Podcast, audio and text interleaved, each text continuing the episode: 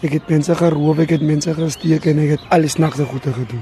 Dit was op 'n Saterdag in 'n park en ek het met Chomie aan 'n jonkies gesien hulle het gesit daar by die park. Toe sê ons vir hulle, "Hou hom nog hier en sy goed is van julle." Toe sê die een nee uit hom haar kop gehou. Toe sê ek hom, "Kykie, as jy nie daai goed is dan gee ek ou steek." Toe praat hy toe sê Die jong man se gesig is hard en sy woorde strook nie met die rustigheid van die tuin nie.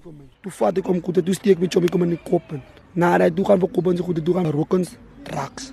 Doet ons kristal gerook en ket. Die luxe gastehuis in Lanseria in die noorde van Johannesburg is baie anders as die strate van Westbury. Die geluide van die stad word vervang met klanke van die natuur. And it goes like this.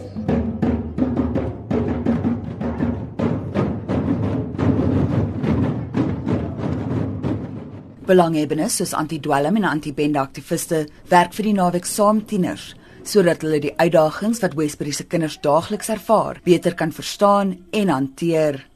Merike Kana is die adjunkdirekteur vir skoolveiligheid by die Gautengse Departement vir Gemeenskapsveiligheid. Sy sê die nuwe omgewing help kinders om makliker te praat oor hulle omstandighede. The background of the kids, when you engage some of the kids, you can pick up that the level of violence or the level of aggression is from the communities itself. It's from the family base and it's playing itself in schools to other learners. So they're acting up what they've seen in the communities or sometimes at home. We're trying to teach them life skills, interpersonal skills. We're trying to do a behavioral diversion program to be active and better citizens.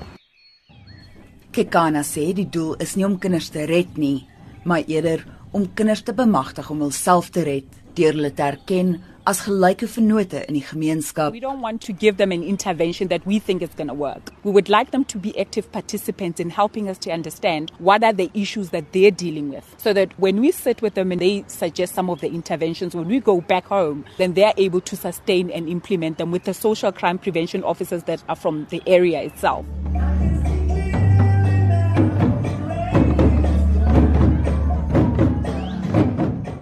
Die 22-jarige anti-dwelmaktivis, Kalen James, sê hy sien baie van sy eie storie raak in die kinders wat hy vandag mentor. Yeah, I come from Eldorado Park, like also a rough gangsterism based community where drugs is easily available to anyone. So I started using when I was 14. I used to get bullied. I had to join a gang that would help keep me safe. And for me once I joined that gang lots of things changed. I started stealing at home. I started like feeding 'n Verslawing aan dwelms het gevolg.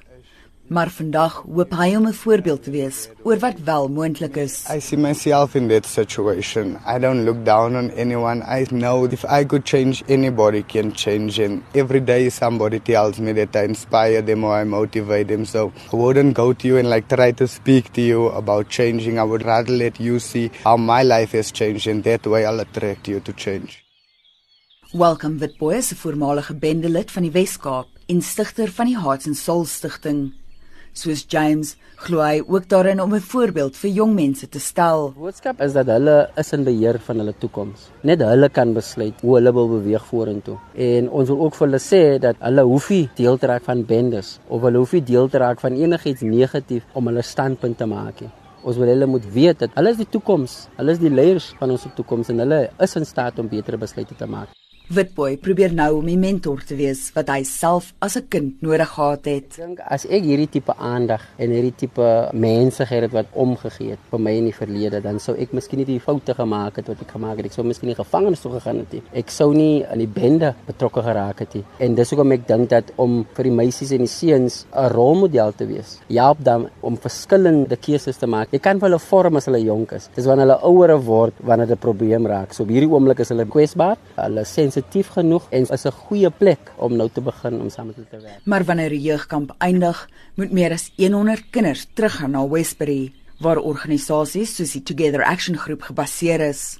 Rhoda van Buren werk al vir twee dekades by die organisasie. Kinders het 'n plek om na toe te gaan na skool. Dit is een van die goede wat regtig help, wat hulle ook bietjie skills gee om hulle self te verbeter Hoe jonger die kinders is, hoe beter dat ons hulle target want hulle kry nie altyd dat iemand hulle wys jy kan iets beter doen nie. Ons wil nie hê hulle moet deel is van die drankprobleme wat ons het in die gemeenskap. Die sentrum is net om vir hulle 'n kans te gee om hulle keuse te maak en goeie keuse te maak. Dit is een van die goeie wat Sy sê sy sien hoop vir die gemeenskap se toekoms in die oë van Westbury se kinders. Een van die eerste goede wat ek dink is dis die jong kinders wat ons regtig nodig het. Ons as gemeenskap moet by mekaar staan en is tyd vir ons die kinders baie help in die verandering want ons het ons jong kinders gefaal, maar ons nodig om reg te maak want hulle is die next generation of drug dealers. Ready